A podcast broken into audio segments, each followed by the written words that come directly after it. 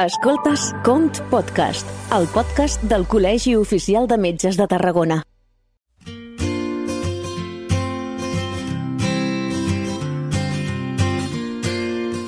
Benvinguts a una nova temporada dels eh, Com Podcast. Com ja sabeu, Com Podcast és una secció que us apropa les novetats en matèria de salut, les darreres notícies en el món de la investigació o les històries més interessants que els metges i metgesses del Camp de Tarragona i de Terres de l'Ebre tenen a explicar. I en aquest primer podcast del 2023 us parlarem d'investigació. Us parlarem de la posada en marxa d'un estudi per diagnosticar i tractar el càncer de cap i coll de forma menys invasiva per part, eh, en aquest cas, eh, de l'Hospital Joan 23 de Tarragona, un projecte que ha rebut una ajuda d'un milió d'euros per part del Ministeri i que lidera el responsable del grup de recerca en Oncologia de Cap i Coll de l'Institut d'Investigació Sanitària Pere Virgili i també cap de secció del Servei d'Otorrinolaringologia de l'Hospital Joan 23, el doctor Francesc Xavier Vilés. Benvingut. Gràcies, bon dia. Comencem i per posar una miqueta uh, en context uh, tot el que hem de parlar. Uh, què és el càncer de cap i coll, doctor? Doncs mira, el càncer de cap i coll eh, és, ve d'una notació que és molt anglosaxona, del head and neck, que és aquest càncer que, que abarca doncs, tot el que és la, el que diem la via aerodigestiva superior. Què vol dir? Des dels llavis, les genives, la llengua, la faringe, la gola, on està la laringe, eh, la part del coll de l'esòfag i les, eh, la part del nas i les glàndules salivals, les paròtides i les, i les glàndules submaxilars.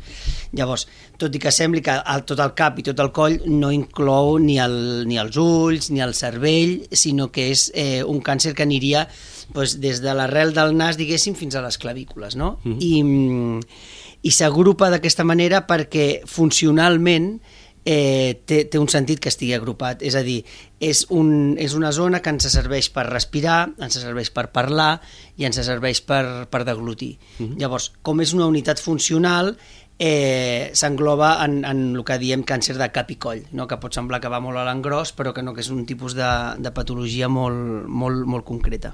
Conegut una miqueta més uh, aquest concepte, uh, quina és la incidència d'aquest càncer dins uh, de la, o entre la ciutadania? Eh, aquest, aquesta incidència a nivell mundial és el cinquè tumor més freqüent en països occidentals, pels factors de risc que ara, que ara, que ara t'explico, i eh, a l'estat espanyol, l'última vegada que es va mirar, era, són uns 12.000 casos en tot l'estat espanyol, i a Tarragona, com a província, tindríem entre 250 i 350, depèn l'any, eh, casos cada, cada any. Ah, per, perdona que talli. Eh, per favor. És, és, mo, és molt o, o és poc a Tarragona, això? A Tarragona, és, com a tots els països mediterranis, és bast tenim bastant càncer de cap i coll. Per què? Doncs perquè tenim els factors de risc que porten al càncer de cap i coll, que és un càncer que està relacionat principalment amb el tabac, uh -huh. amb l'alcohol, i eh, cada vegada més amb el virus del papiloma humà, que és una, una infecció de, de transmissió sexual, que és molt prevalent en tota la població, però que eh, veiem que hi ha una part d'aquesta zona de cap i coll, que són les amígdales, no? Mm.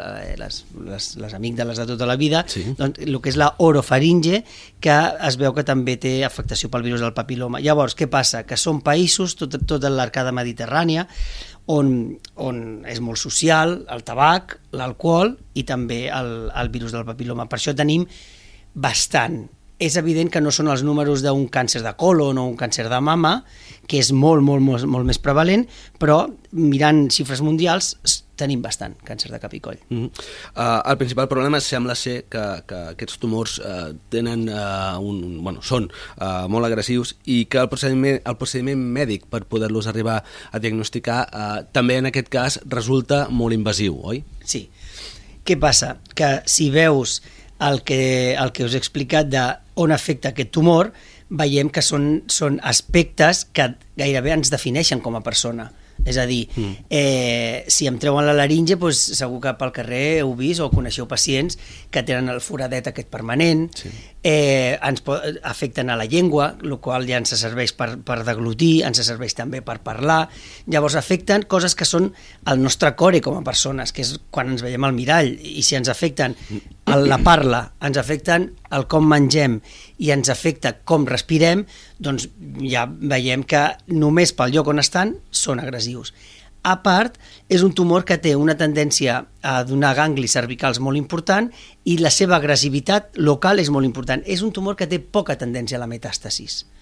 De, Ah. que no tingui doncs, això, la metàstasi al fetge, als ossos, com altres tipus de, de tumors, sinó que és localment molt agressiu, locoregionalment molt agressiu, és a dir, on en tinc el tumor i els ganglis i els ganglis eh, cervicals.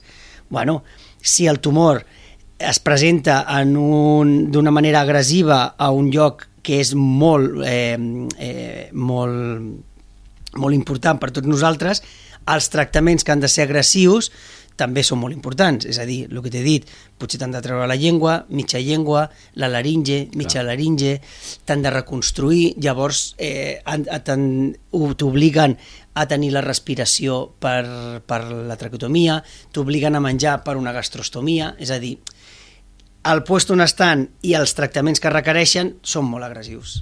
I pel tema de, dels diagnòstics també estaríem parlant de, del mateix? Clar, eh, el diagnòstic, com a tots els tipus de tumors, fins ara s'ha fet eh, amb una biòpsia. Què vol dir una biòpsia? Una biòpsia vol dir que necessitem un tros de teixit. Eh, ja ens podem imaginar que treure un tros de teixit de la gola pues, és una cosa que és molt invasiva i que ja la biòpsia és difícil d'obtenir, eh, amb seqüeles que, que poden ser minimitzades, però el dolor, el sagnat, és complicat, que moltes vegades no es poden fer a la consulta, tot i que cada vegada fem més eh, biòpsies poc invasives, és a dir, a la, ja no cal que t'adormin ni et posin a quiròfan, sinó que a la mateixa consulta podem fer la biòpsia, i, eh, i a més, clar, eh, tot això fa que sigui molt difícil el, el diagnòstic i molt difícil el, aquest seguiment. Llavors, la mateixa biòpsia, el mateix fet de tindre una biòpsia, ja és agressiu per tu. Mm. Eh, clar, si ens posem a pensar, i ara, i ara eh, continuarem amb, amb, el que, amb el que parlem de, de les biòpsies mínimament invasives, i això és un problema per nosaltres. Si cada vegada que haig de dia- diagnosticar o cada vegada que tenim una sospita requereix que siguem tan agressius, això és un problema, tant de diagnòstic com de seguiment, com de seguiment d'aquests tumors. En aquest cas, la, els diagnòstics en proves menys invasives podria ser, per exemple, les biòpsies eh, líquides i, i gasoses que podien marcar eh, un abans i un després en el diagnòstic de, del tractament. En aquest cas, vosaltres sou els experts, entenc que, que poden ser un canvi, oi? Home, eh, segur que tots, tots els que escolten aquesta entrevista, i tu mateix, tothom, ha escoltat parlar de la biòpsia líquida. Què és la biòpsia líquida? La biòpsia líquida és que et treuen sang i veuen si a la sang hi ha productes produïts pel tumor. Si tenim aquests productes a la sang, podem inferir que tenim el tumor. Llavors, això és una biòpsia que diem mínimament invasiva, perquè treuen sang i, i podem saber, sense biòpsia, si tens el tumor o no tens el tumor. Què passa? Que no estem a la fase que sabem què hem de buscar. I això és una de les potes del, de l'estudi, és caracteritzar què hem de buscar. A cap i coll, bueno, si ara, que és, és tot tan famós això de la microbiota, del microbioma, Sí. a tothom se li acut pensar que, bueno, que pot ser que no és raro pensar que a la femta podem tenir marcadors del càncer de colon, no? perquè la femta al final passa mm. pel colon no? I, és, i està passant pel tumor. Bueno, doncs si ho traslladem a la boca, què tenim a la boca que pugui ser fàcil d'obtenir? Saliva. Saliva. I a més, no només això, sinó que si diem que la microbiota i el que tenim a la boca pot afectar el tumor, què, què tenim? Que eh, la nostra composició bacteriana ens defineix? Mm, L'alè. És a dir, el teu alè, aquest alè que tens pel matí, eh, i que és característic teu, segur que tu, si tens persones properes i persones que estimes, li saps reconèixer l'alè, Mm. el seu mal alè. Eh, I això ve determinat en moltes, moltes situacions per les bactèries que tens, per la composició que tens. Home, si diem que aquestes bactèries poden ser importants pels tumors, ostres, a veure si a l'alè, que no hi ha res menys invasiu que tu bufis, Sí, sí. eh, ens poden ajudar. Llavors tenim la biòpsia líquida entenent el líquid com a la saliva i la biòpsia gasosa entenent com que eh, en, les, en les substàncies volàtils del, de l'alè podem veure si tens tumor o no. I, I com pot arribar a ser igual d'efectiu eh, aquest eh, diagnòstic, aquests diagnòstics que, uh -huh. que comentàveu ara, eh, en, eh, en comparació amb els que comentaves fa una estona que són molt més invasius? Bueno, aquí està la recerca. La recerca és que eh, i és, és el que jo divideixo l'estudi en dos potes. Una és a veure quina biòpsia més, menys invasiva et podem fer, però això té un pas previ, que, hem, que és saber què hem de buscar. Mm -hmm. Llavors, a dia d'avui encara hem de fer biòpsies, és a dir, encara hem de tenir un tros de teixit, però el que estem fent és agafem aquest tros de teixit, agafem saliva i agafem alè i anem a veure què, què tenen de coincidència quan sapiguem la coincidència ja podrem buscar directament directament a l'ALE. Però això és recerca, això, això està en, bueno, en aquest estudi. I, i, i la força d'aquest estudi és aquesta, és conèixer bé el tumor per conèixer què hem de buscar. Quan parlàvem d'aquests di diagnòstics menys invasius, el de la saliva potser és més comú, sobretot potser associant-ho a aquestes proves que et poden fer amb els pals, però eh, el que resulta curiós és que a partir de l'alè es pugui arribar a, a poder obtenir un diagnòstic. Seria un gran avenç eh, que poguéssiu ser capaços Home, de diagnosticar només amb l'alè. Clar, imagina't quina entrevista que ens faries. Ui, o jo, sigui, jo, I jo i molts més i mitjans. Molts, eh? clar, no, no, i, clar, és que això sí que seria un gran pas ja no només pels pacients, eh, bueno, sobretot pels pacients, que és per lo que ho fem, sinó perquè ens obriria un camp mm, magnífic de, de recerca i de, i de solucions. Jo cada vegada, jo si tinc la sospita d'un tumor, perquè et faré l'endoscòpia, ja et demanaré l'alè. Però és que no només això, potser continuem amb la biòpsia per, per, per estar segurs, però en el, en el seguiment mm jo et puc demanar, dona'm l'E i veuré si estàs produint aquestes cèl·lules del tumor i podré veure si el tumor ha tornat o no ha tornat, fent la cosa que s'ha demostrat més eh, eficaç en la lluita contra el càncer, que és el diagnòstic precoç. Clar.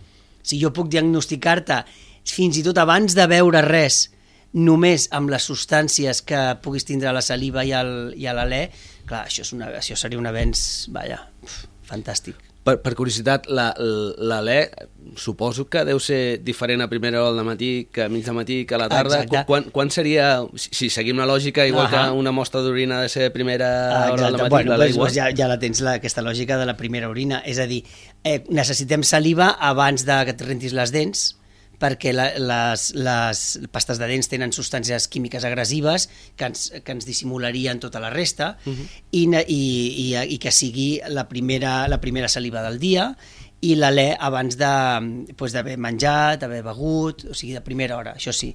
Mm.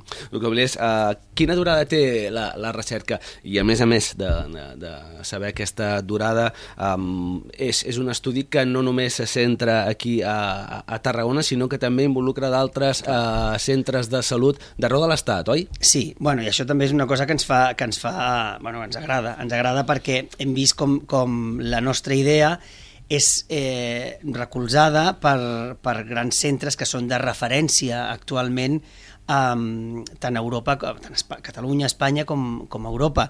És a dir, eh, és, un, és un estudi que també està en l'Hospital Clínic, l'Hospital de Sant Pau, l'Hospital de Belvitge, eh, ara entrarà a l'Hospital del Mar, eh, tenim a l'Hospital de la Paz de Madrid, a l'Hospital Central d'Astúries d'Oviedo, a l'Hospital de Sant Sebastián... Són referents. Que, és a dir, que ens, això ens dona una, una, bueno, un pes específic que, està, que la veritat és que és molt xulo perquè la, és, és, un, és un estudi que és multicèntric que també participa a Santa Tecla, també participa a Tortosa perquè hem volgut no, fer, fer una, una, una massa crítica aquí, aquí al territori per, per veure que des d'aquí des d'aquí es poden fer grans coses i això també és un missatge que a la població a vegades li costa d'arribar, no? La, la població, ui, tinc això, això m'ho han de fer a Barcelona. Bueno, sí calmeu-vos perquè potser la mostra que tu dones a Barcelona el, vindrà a ser estudiada a Tarragona, és a dir... Al revés, exacte. Eh, potser al revés, no? Eh, llavors, bueno, que, que, la, que la població sàpiga que, que hi ha grans professionals, que, hi ha, que, que estem amb la innovació ja no només de la recerca, sinó innovació, innovació quirúrgica, innovació terapèutica, que, que poden estar ben tranquils de que, de que aquí s'està fent una bona oncologia de cap i coll. Doctor, eh, molts dels professionals que han passat per aquí per també parlar de temes d'investigació se'ls ha hagut de fer la mateixa pregunta i, i suposo que la resposta és evident, però cal fer-la, no? Eh, el món de la investigació és complicada eh, aquí, eh, en aquest país. És, resulta difícil investigar? En aquest país resulta molt difícil investigar, eh, el, el, el territori també resulta molt difícil investigar, però jo penso que, que també això ve d'una un, una estructura mental cultural que tenim, que tenim els metges. És a dir, fins que nosaltres no veiem que no és que nosaltres veiem pacients i la recerca va per una altra banda, sinó que la recerca és pel pacient i que tots els metges que, que, que, que, que treballem amb els pacients, tots fem recerca. Tots, tots pensem, ostres, això ho podríem fer, això... Llavors, la recerca és una part indissoluble de la nostra, del, sí. o sigui, el coneixement, el generar el coneixement, és a dir, si no féssim recerca estaríem amb els mateixos tractaments, és que ja no et dic del segle passat, sinó dels anys 80, de, mm. de fa no res. Llavors jo penso que hem de canviar el xip d'entendre de, que la recerca, la recerca som nosaltres, la recerca som nosaltres. I això deriva que també institucionalment les institucions han d'entendre que això és una línia estratègica molt potent molt potent, que hi ha centres de, bueno, sense anar més lluny de Barcelona, que saben que això és la seva marca. I hi ha hospitals que et venen, que fan molt bé l'assistència, fan molt bé la cirurgia, fan molt bé tot, i la recerca. Clar. I la recerca i la docència. És a dir, aquestes tres potetes que jo penso que és la, la, la, nostra, la nostra professió, s'ha de veure la institució, és a dir, l'assistència la, de qualitat i de complexitat, la recerca i la docència i quan les posem totes i el perfil de professional que vulguem tingui aquestes tres vessants, jo penso que, que això canviarà. Dit això, és evident que el, si et fixes quan hi ha crisi un primer retalla és a la recerca i això és com si, com si, bueno, és que tinc sobrepès i en comptes de posar-te a dieta et talles un braç. Ostres, i tant que has perdut pes. Clar. No? Quan pesa un braç? Però bueno, aquest braç està invalidat per la següent, per la següent. Llavors, la recerca és una línia estratègica que l'hem de potenciar molt més, la recerca la innovació per, doncs, per, fer, per fer totes aquestes coses. Doctor Vilés, uh, la dotació d'un milió d'euros, com comentàvem al principi d'aquest podcast, uh, per part de l'Institut de Salut Carlos III, uh, que depèn del Ministeri de Ciència, com us pot ajudar? És a dir, en què, la, en què s'inverteix i, i, i per què servirà? És una, és una dotació econòmica grossa home, és una dotació econòmica grossa, també has de pensar que, que, que, la, tenim, que la tenim els otorrinolaringòlegs, que l'otorrinolaringologia eh, si bé és la cosa més maca, l'especialitat més maca del món... Això és compres eh, cap a casa, una clar, mica. No, però acostumem a ser serveis petits, mm. és a dir, no som uns traumatòlegs, que sí. és un servei gran, o uns cirurgians, que és un servei gran, o uns intensius, que és un servei gran, o una anestesiologia, que és un servei gran per definició, perquè són serveis, servei, serveis, serveis perdoneu, centrals sempre en un hospital. Llavors, que des d'un servei relativament petit eh, puguem assolir aquest tipus d'ajuda, uau, és, és, sí, sí. és molt important. I eh, s'utilitzarà per el que diem la caracterització òmica. No? Si a la gent li sona la genòmica, doncs nosaltres el que estem fent és la proteòmica, que és la proteïna, és la metabolòmica, que són els metabolits, i és la metagenòmica, que són els gens de totes les bactèries que tenim, que tenim al cos. Llavors, en això està la Universitat Rovira i Virgili, grups de la Rovira i Virgili, està un grup de València i està a l'Institut Josep Carreras, que fan tota la part de la proteïna. És a dir, són investigadors bàsics eh, que estan al servei de la, de, la, de la clínica. És el que se'n diu recerca translacional. És a dir, nosaltres, i per això és tan important que nosaltres no ens deslliguen de la recerca, nosaltres tenim les preguntes perquè nosaltres tenim els problemes. Clar. És a dir, quin problema tinc? Home, tinc un problema que qualsevol biòpsia l'haig de ficar quiròfan i treure un trosset. Bueno, doncs anem a veure com solucionem aquest problema. I jo li pregunto al que sap de molècula, escolta, com podríem solucionar aquest problema? Doncs mira, podríem mirar i llavors aquesta unió entre la, la, els clínics i els bàsics que diem és on, on la recerca translacional és la recerca que, que s'ha de fer als hospitals. És, és fantàstic. No, no podem perdre... No només treballem per generar coneixement, treballem pel pacient, Correcte. que és la nostra professió, és que som metges. Uh, Francesc, quantes uh, persones hi han darrere uh, en aquest equip uh, d'investigació que lideres tu? bastants, perquè som, és bastant multicèntric. El, el grup de recerca d'oncologia de Cap i Coll, actualment el, el Pere Virgili, està la doctora, el doctor Flores, la doctora Merma, la, la doctora Dalit, la, la infermera la, la Laia, Eh, som un grup que som un grup emergent que està començant, tot just jo acabo d'arribar fa uns, uns mesos, al, tot i que jo ja havia treballat aquí, fa 6 o 7 mesos que estic de nou aquí, i, i estem creixent, però darrere, doncs imagina't, amb tots els hospitals, gent implicada en aquest estudi, hi haurà 50, 60, 50-60 persones que estan, que estan treballant i que nosaltres liderem. No, no, o sigui, nominalment sóc jo, però aquí hi ha tot un grup de recerca sí, sí. que, bueno, això és un, un treball tremendo. Doctor, anem acabant el podcast. Uh, sí que m'agradaria llançar-te una última pregunta, potser és una mica agosarat. Quan uh, podríem començar, uh, o quan podríeu, en aquest cas, a obtenir uh, resultats uh, en base a aquest estudi? Entenc la pregunta, però has d'entendre la resposta. I la resposta és que tot just comencem ara i la recerca, si bé eh, el, eh, tu veus no, els periodistes que bueno, s'ha descobert, bueno, quan, quan tu veus el diari encara li falten 10 anys per arribar. Nosaltres encara no estem ni al diari de que s'ha descobert res.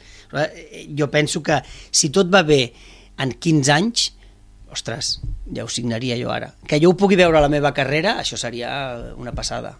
No, jo diria que si d'aquí 15 anys ja heu obtingut resultats, m'agradaria que ens tornéssim a seure Clar, aquí i tant, i tant, bueno, ojalà, ojalà, sí, sí, sí. sí Però que, que realment és, és una cosa lenta, no?, fins que no s'arriba a tenir uns, uns resultats que Clar. puguin després tenir una aplicació real. Exacte. Bueno, eh, però això és una cirurgia làser que nosaltres fem ara... Pff, eh, tan, tan, o sigui, que està a tots els centres i que és una cosa del dia a dia, primer, mireu la innovació de com de boig hauria d'estar el primer que va ficar un làser a la boca el, el, el tractarien de boig. I estem parlant dels 80-90 ah.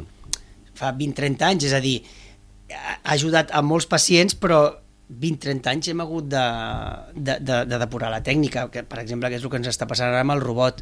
Bueno, i sobretot Otorrino, imagina que nosaltres per exemple l'altre dia vam treure mitja, mitja laringe eh, amb, una, amb una cirurgia robòtica, és a dir que ja no t'obrim ni el coll, t'ho traiem per la boca. Clar. llavors tot això, tota aquesta innovació, bueno, doncs requereix d'aquesta innovació, requereix capacitat de eh, corbes d'aprenentatge i requereix també que entre tots sapiguem veure que, mm, que tothom, eh, si ens fragmentem, que tothom té dos pacients a l'any, això no va enlloc. Clar. El, que hem de fer és ser capaços, com, com en aquest estudi, de treballar entre tot el territori per, per saber eh, vehiculitzar i centralitzar eh, aquest tipus de patologia. Doctor Francesc Xavier Vilés, responsable del grup de recerca en Oncologia de CAP i Coll de l'Institut d'Investigació Sanitària Pere Virgili i CAP de la secció del Servei d'Otorrinolaringologia. Això deu ser complicat. Si et serveix de, de consol, la meva mare encara no ho ha sabut dir. O sigui que...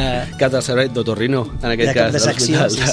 De, de, de secció de l'Hospital Joan Militares. Moltíssimes gràcies per apropar-nos a, a, aquest projecte i a aquest estudi que de ben segur anirà bé t'agrairíem que qualsevol novetat que puguis tenir... No ho dubteu. Això és casa vostra, ja ho sabeu. Sí, tant. I qualsevol novetat teniu els micros del Compodcast vale. per vosaltres. Bueno, jo us volia donar les gràcies per, per fer difusió d'aquesta recerca que, que és de tots i que és, de la, que és, que és, que és nostra, que és de, de, dels metges de Tarragona i, i, bueno, i tant de bo puguem tornar-nos a veure per dir que, que, bueno, que ha anat tot superbé i que ja estem fent coses eh, de Fórmula 1 de ben segur. Moltíssimes gràcies, doctor. Gràcies, gràcies a vosaltres. I moltíssimes gràcies també als qui ens veieu i ens escolteu. Ens veiem i ens escoltem en un proper com podcast ben interessant. A reveure!